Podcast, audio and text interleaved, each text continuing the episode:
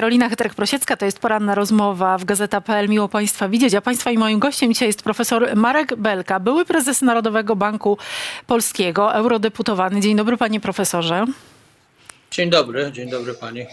Więc porozmawiamy trochę o gospodarce, a trochę o polityce, ale jednak zacznę od e, gospodarki, bo mm, korzystając z Pana okazji, chciałabym zapytać o ostatnią e, decyzję, a właściwie zapowiedź rzecznika TSUE, czy dotyczącą kredytów frankowych. Czy Pana zdaniem, jeśli wyrok będzie zbliżony do tej zapowiedzi rzecznika TSUE, to dojdzie do kryzysu makroekonomicznego, jak nazywa to Paweł Borys, szef e, PFR-u, albo nie wiem, polski system bankowy stanie na skraju bankructwa? Tak sądzę. Tak sądzę i chciałem wyraźnie powiedzieć, że to nie polski system bankowy stanie na skraju bankructwa, tylko Polska stanie na skraju bankructwa. Czyli my zapłacimy za to, żeby mm, ci, którzy wzięli kredyty frankowe, mieli je praktycznie za darmo.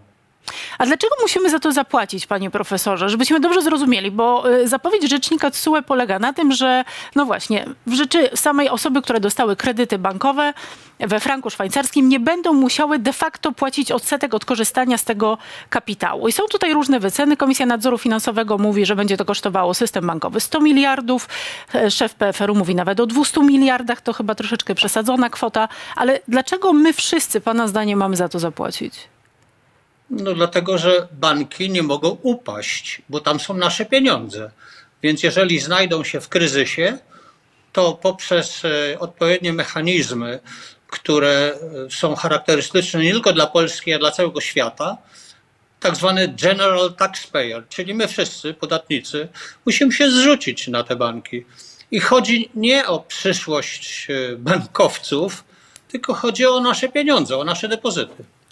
A czy Pana zdaniem TSUE wydając taką zapowiedź jest nieodpowiedzialny, nie rozumie tego, nie wyciągnął wniosków z tego, co widzieliśmy 10 lat temu po upadku Lehman Brothers i gigantycznym kryzysie, jeśli chodzi o, o zaufanie, bo to już był kryzys długu, no ale jednak po upadku Lehman Brothers nie wyciągnięto wniosków? Przede wszystkim to są zupełnie inne sprawy, a TSUE nie tyle wyciąga wnioski makroekonomiczne, co wyciąga wnioski prawne. Jeżeli sądy krajowe uznają, że kredyty te obciążone są takimi wadami, tak zwane klauzule abuzywne, znaczy one są w gruncie rzeczy w oczach prawa nieważne od samego początku.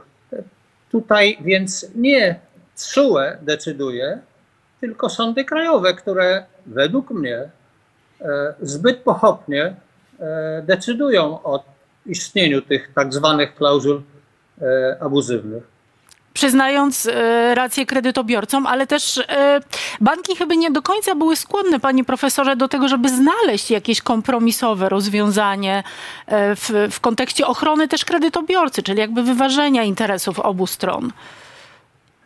No tak, to jest prawda. I ja, jak, jak byłem prezesem NBP, to banki nawoły, znaczy to nawoływałem, aby banki do takich ugód już od roku 2010 się, że tak powiem, skłaniały.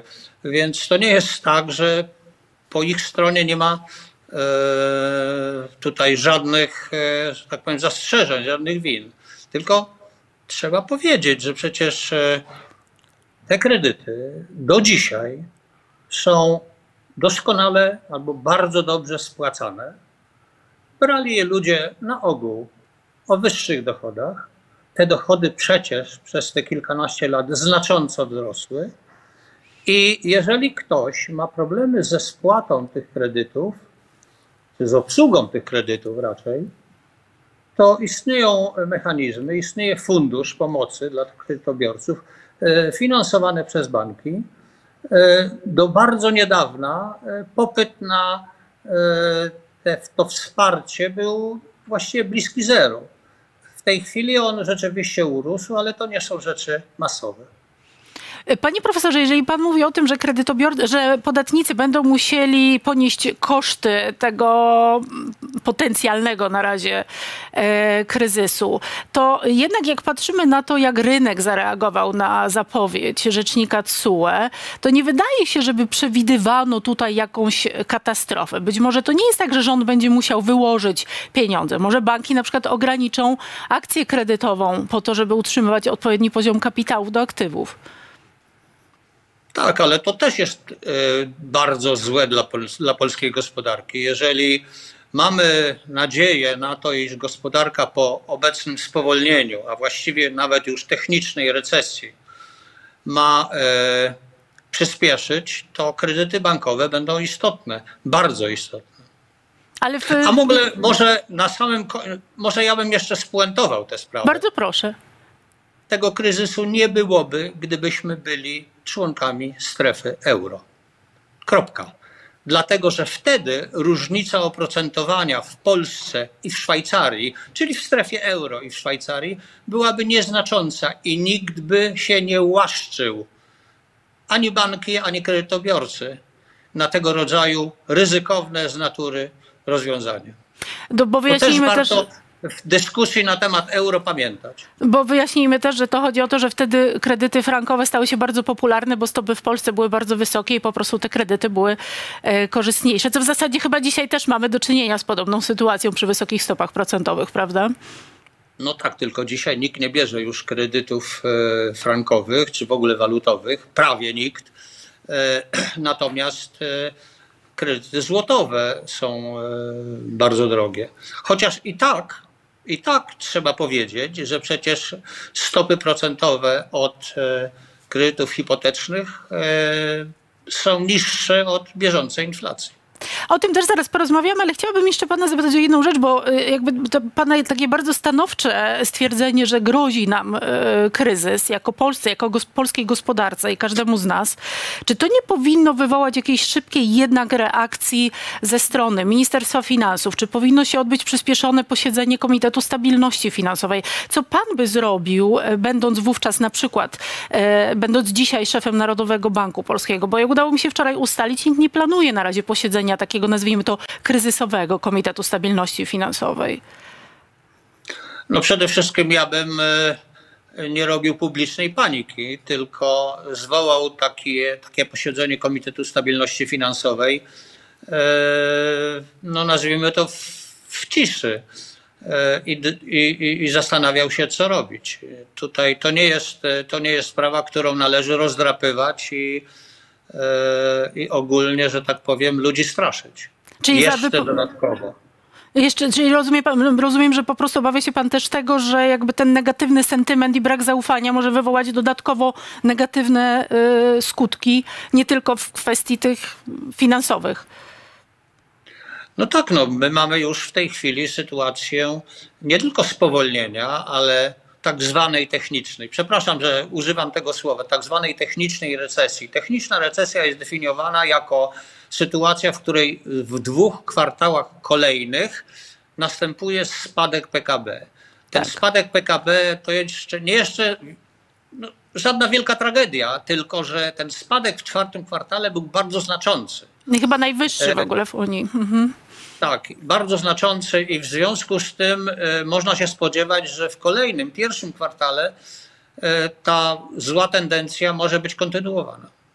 E, I to jest, przepraszam, że jeszcze powiem, motorem polskiej gospodarki niestety od wielu lat jest konsumpcja. Tak. No i ta konsumpcja spada.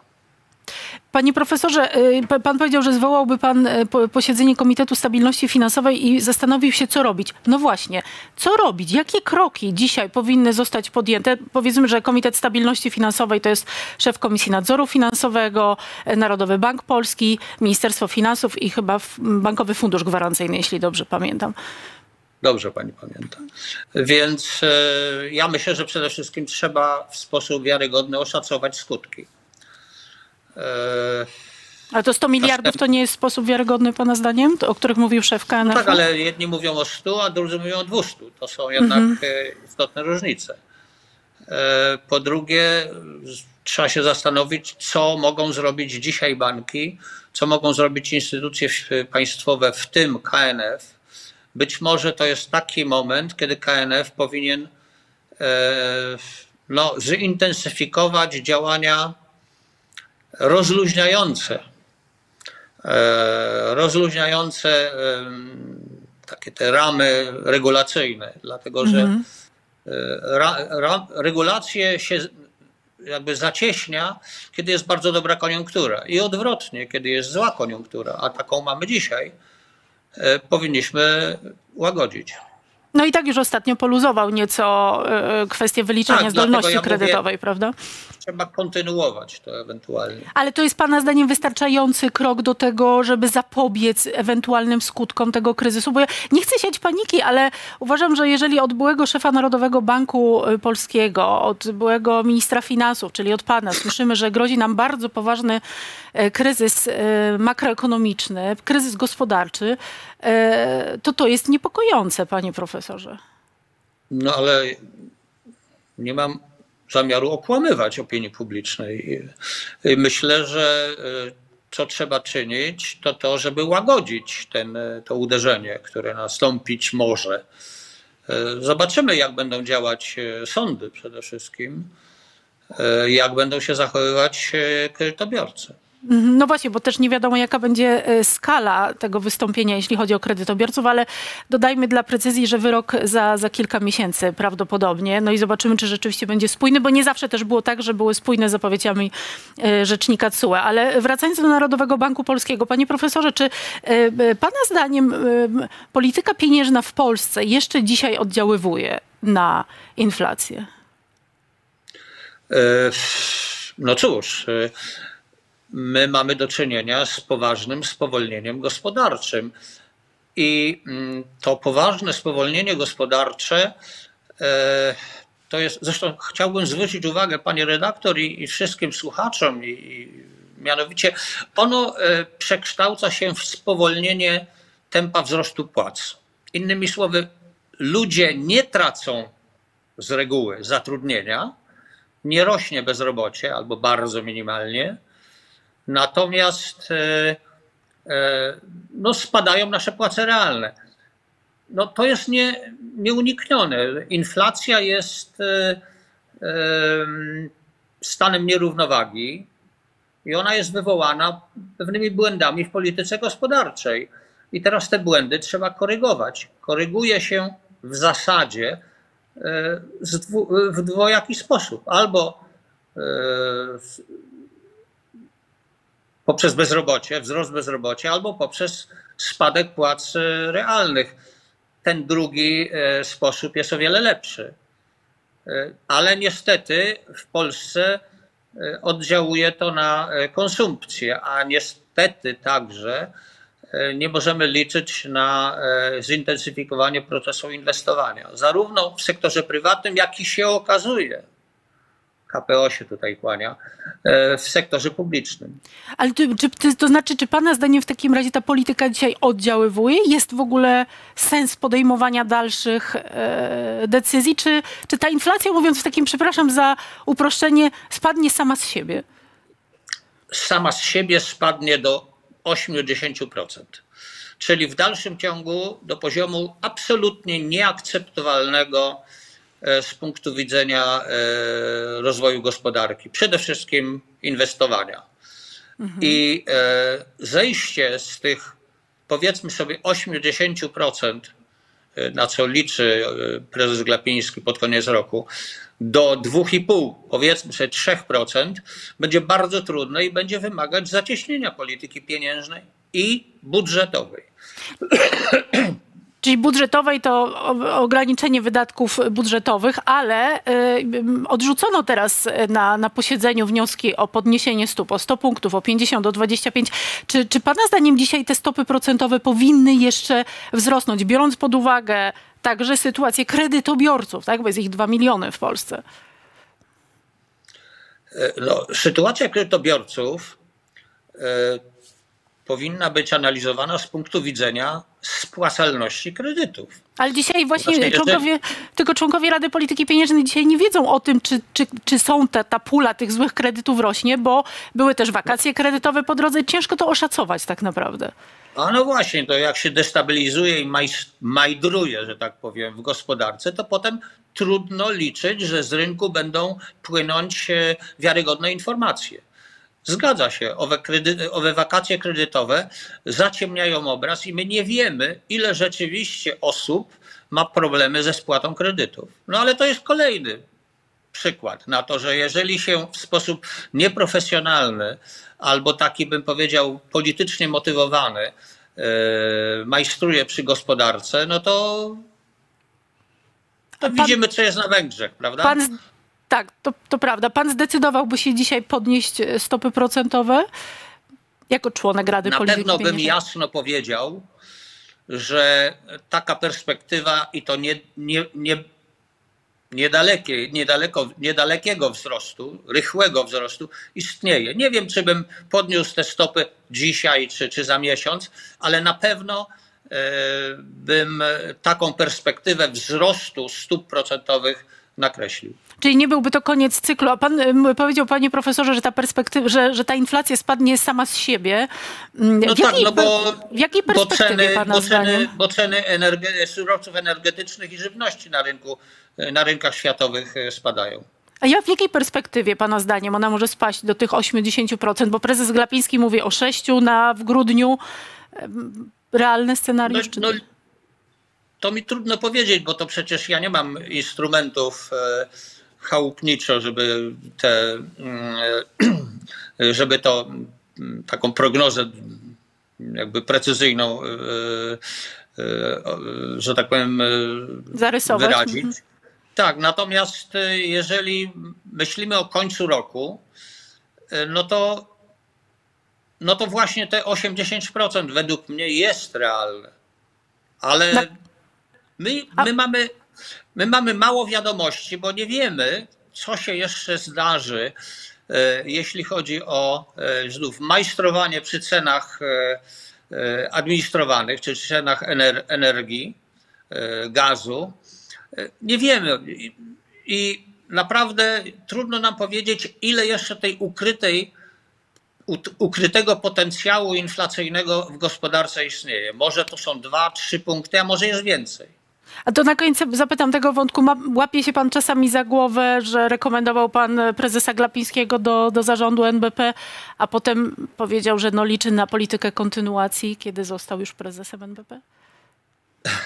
Przede wszystkim to nie ja rekomendowałem, tylko wiedząc, że jest kandydatem, pracowałem z nim kilka lat jako, jako znaczy w Radzie Polityki Pieniężnej, potem kilka miesięcy w zarządzie.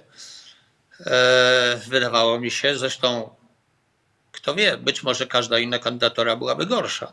E, Natomiast pan e, prezes Glapiński, myślę, trochę popłynął, jakby.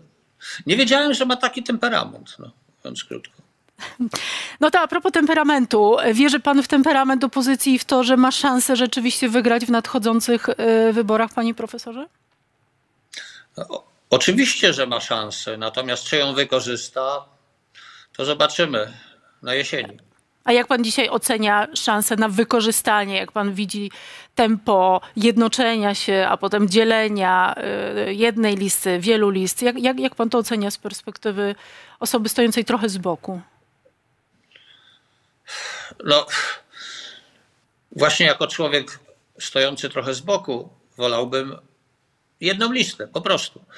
Te wszystkie gadania, że tutaj elektorat mi odpłynie do tamtego, to są takie pogaduszki liderów y, i aktywu partyjnego tych wszystkich czterech ugrupowań. Natomiast jeżeli jedna lista jest niemożliwa ze względów światopoglądowych, no to może dwie listy, ale też zdaje się, że z tym jest y, krucho. No, czym więcej list, tym więcej szans na to, że y, efekty Donta y, PiS zbierze zamiast, y, zamiast opozycji. A chciałby pan przyjąć stanowisko ministra finansów w nowym rządzie, biorąc pod uwagę kondycję gospodarki i finansów publicznych? Nie, nie, nie. Ja już, e, ja już byłem ministrem finansów, to nawet dwa razy. To wystarczy. I, I jak pan był ministrem finansów, to był pan zwolennikiem y, cięć y, socjalnych, co, co, co zresztą odbiło się szerokim echem. Czy dzisiaj myśli pan przy tym, ile pieniędzy zostało wyprowadzone poza budżet i, i jak wygląda kondycja gospodarki, dużo spowolnienie gospodarcze? Czy pana zdaniem powinno dojść do cięć albo przynajmniej modyfikacji szeroko zakrojonych programów gospodarczych, socjalnych przez obecną partię rządzącą? No, ja przede wszystkim chciałem powiedzieć, że opozycja nie powinna na ten temat się zbyt głośno wypowiadać w ogóle, bo wiadomo, że e, posłaniec e, złych wiadomości e, jest pierwszym do, mm, że tak powiem, utraty, że tak powiem, szyi. To jak, jak, jak w Turcji osmańskiej, prawda? Posłaniec dostawał sznur jedwabny, na którym się miał powiesić. No ale to co ma ukrywać do czasu wyborów swoje decyzje gospodarcze? Pani redaktor, czy pani e, wyobraża sobie, że e, elektorat, że ludzie wybiorą kogoś, kto, e, kto przekazuje im złe wiadomości? No oczywiście, że nie, ale pytanie, czy te złe wiadomości powinny być potem wcielane w życie? Zależy od tego, jaka będzie sytuacja. Ale sytuacja jest de facto znana, panie profesorze. Nawet pan ją zarysował Nie, nie jest, w ciągu ostatnich jest kilku minut. Nie jest znana, dlatego że my jednak nie mamy świadomości, jak wielki jest dług publiczny, a przede wszystkim jaka jest jego struktura. Ile wydatków ma charakter stały, sztywny, tak zwany, e, a ile można e, w stosunkowo szybko, że tak powiem, e, no, elastycznie, że tak powiem, e, ograniczać. To trudno powiedzieć. A wspominał pan o KPO, panie profesorze, czy dzisiaj jak pan em, widzi te ruchy, które dzieją się w polskim Sejmie, zarówno częściowo niekonsekwentne głosowania opozycji, e, dopuszczanie ustawy nawet niezgodnej z zapisami e, KPO, a potem decyzje z kolei Solidarnej Polski, partii rządzącej, a teraz odesłanie ustawy o Sądzie Najwyższym do, do Trybunału Konstytucyjnego. Czy pana zdaniem Prawo i Sprawiedliwości w ogóle zależy na tym, żeby te pieniądze rzeczywiście trafiły do Polski, czy lepiej mieć gdzieś tam w odwodzie tę Unię Europejską jako chłopca do bicia? Znaczy, jak z bankomatem, jak zadziała, to dobrze, to się będziemy cieszyć, ale e, żeby jakieś ustępstwa istotne w kwestii praworządności, e, że tak powiem, zaproponować, to to nie. Znaczy, mówiąc krótko, najistotniejsze dla Prawa i Sprawiedliwości jest to, aby jakoś dowieść gospodarkę do października i wygrać wybory. A pan myśli, że A potem opozycja, zobaczymy. a pan myśli, że opozycja ma pomysł na to, jak zarządzać tą gospodarką po wyborach? Bo no dzisiaj tych, tych zapowiedzi programowych nie słychać jakoś szczególnie. Ale oczywiście, że ma. E, tylko, że jak pani sama powiedziała, ja kiedyś bodaj w 2001 roku wyrwałem się jak Filip z konopi w, e, na konferencji prasowej i zacząłem e, mówić no, o rzeczywistym stanie gospodarki. E, No i według wszelkich ocen e, pozbawiłem SLD samodzielnego zwycięstwa wyborczego. Wyciągnięto konsekwencje, wyciągnięto wnioski z historii pana zdaniem? No ja wyciągam. Panie profesorze, zbliża się wizyta prezydenta y, Bidena w y, Polsce. Będzie pan obecny podczas przemówienia prezydenta Bidena? Mm, Dostałem zaproszenie, ale nie wybieram się. Będę oglądał w telewizji. Cze- Czego się pan spodziewa y, po tej wizycie? Dlaczego ona stała się już historyczna, zanim się jeszcze y, wydarzyła? Cóż takiego istotnego się dzieje, biorąc pod uwagę, że to już jest drugi raz w ciągu roku, że prezydent Biden jest tutaj w Polsce? No tak, prezydent Biden przyjeżdża drugi raz w ciągu roku do Polski, ale tak naprawdę on przyjeżdża na Ukrainę.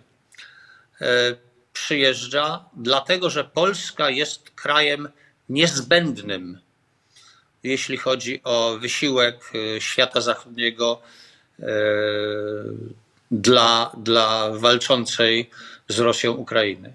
No, gdyby Polska nie była w pełni zaangażowana, szczerze i do końca, w każdym wymiarze, także ludzkim, no to Ukraina by już wojnę przegrała. E, więc e, dlatego ta nasza rola w, e, światowej polityce się gwałtownie zwiększyła, wzmocniła. Stąd Joe Biden przyjeżdża do Polski. A czy, mm, a czy Pana zdaniem e, wydarzyło się coś, pytam też Pana jako o, o, o premiera, czy wydarzyło się coś, e, o czym my, przeciętni obywatele, nie wiemy, co pozwala nam sądzić, że reakcja Rosji może się zaostrzać w najbliższych dniach, tygodniach, że rośnie niebezpieczeństwo, że Polska będzie musiała trochę przejąć stery na tej flance wschodniej po to, żeby na przykład Amerykanie mogli skupić się także na, na Chinach. Czy, czy Pana zdaniem eskaluje bardzo mocno ten konflikt? No ale rozmawia Pani z e, przeciętnym obywatelem w tej sprawie. Bo ja nie mogę powiedzieć, że mam jakieś wiadomości e, dodatkowe wydaje się, że po prostu mm, nacisk Rosji na e, Ukrainę jest, e, znaczy wzmaga się. Rosja jest e, gotowa rzucać się na front no, dowolną ilość mięsa armatniego. A Polska może służyć tutaj logistycznie, ale nie sądzę, żeby mogła przejąć e, jakąś większą jeszcze rolę jako dostawca broni. No, chociaż mówi się dużo o magazynach amunicji, które powinny się pojawić w Polsce po to, żeby były miejsca szybkiego reagowania i stąd taka moja myśl, że być może ten moment rzeczywiście jest niebagatelny trochę też z zupełnie innego powodu. No tak, ale ta amunicja byłaby dostarczona Polsce z innych krajów, na przykład ze Stanów Zjednoczonych i dlatego mówię o naszej roli logistycznej.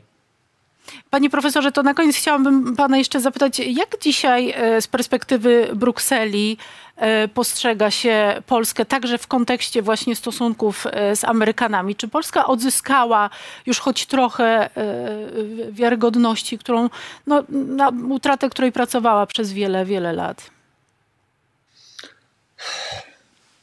Są jakby dwie płaszczyzny. Przede wszystkim nikt nie wyrzuca Polsce jej e, takiego, bym powiedział, bezwarunkowego proamerykanizmu. A to był problem przez wiele lat, bo Europejczycy tak proamerykańscy jak, jak, jak Polacy czy jak Polska nie są. Dzisiaj wydaje się, że po prostu to myśmy mieli rację, mówiąc krótko, że trzeba Amerykanów trzymać blisko Europy i, i trzymać z nimi ścisłe więzy. Po Czyli drugie, mądre, tak? Po drugie, mamy, mieliśmy rację co do, yy, co do Rosji. Yy, ale przecież wiadome, że polityka, polityka wobec Ukrainy i wobec konfliktu jest, e, że tak powiem, e, no zależy zarówno od e, postawy społeczeństwa i ta jest przedmiotem podziwu, jak i polityki rządu, która też jest właściwa i nie mam powodów jakiejkolwiek chyba specjalnej krytyki działań polskiego rządu w, tej, w tym zakresie. Pana zdaniem zostanie ta wizyta wykorzystana i pomoże e, Prawu i Sprawiedliwości w wyborach? No trudno powiedzieć. Myślę, że myślę, że to jest dobry, e, dobre wydarzenie z punktu widzenia, widzenia PiSu. Natomiast charakterystyczne, że Joe Biden e, będzie e, przemawiał w arkadach Kubickiego, czyli niejako do narodu polskiego, a nie do Sejmu na przykład, czy do e, elit rządzących. I to jest rzeczywiście wielokrotnie podkreślane. Bardzo dziękuję za rozmowę, panie profesorze. Mam nadzieję na dłuższe spotkanie już tylko o e, gospodarce. Profesor Marek Belka był państwa i moim gościem, eurodeputowany, były prezes Narodowego Banku Polskiego, były premier i osoba pełniąca jeszcze wiele, wiele innych ciekawych funkcji, co mogli państwo zresztą usłyszeć e, w tej rozmowie pod kątem doświadczeń. Dziękuję bardzo panie profesorze i dobrego dnia. Dziękuję bardzo. A ja Państwu dziękuję za to, że byli Państwo z nami i widzimy się jutro, a jutro rzeczywiście no, dzień e, wyjątkowy, dzień w zasadzie amerykański. Prezydent e, Joe Biden wylatuje do Polski, przylatuje jutro rano, a po południu o 17.30 przemówienie, o którym mogli Państwo usłyszeć przed chwilą od pana profesora Marka Belki. Do zobaczenia.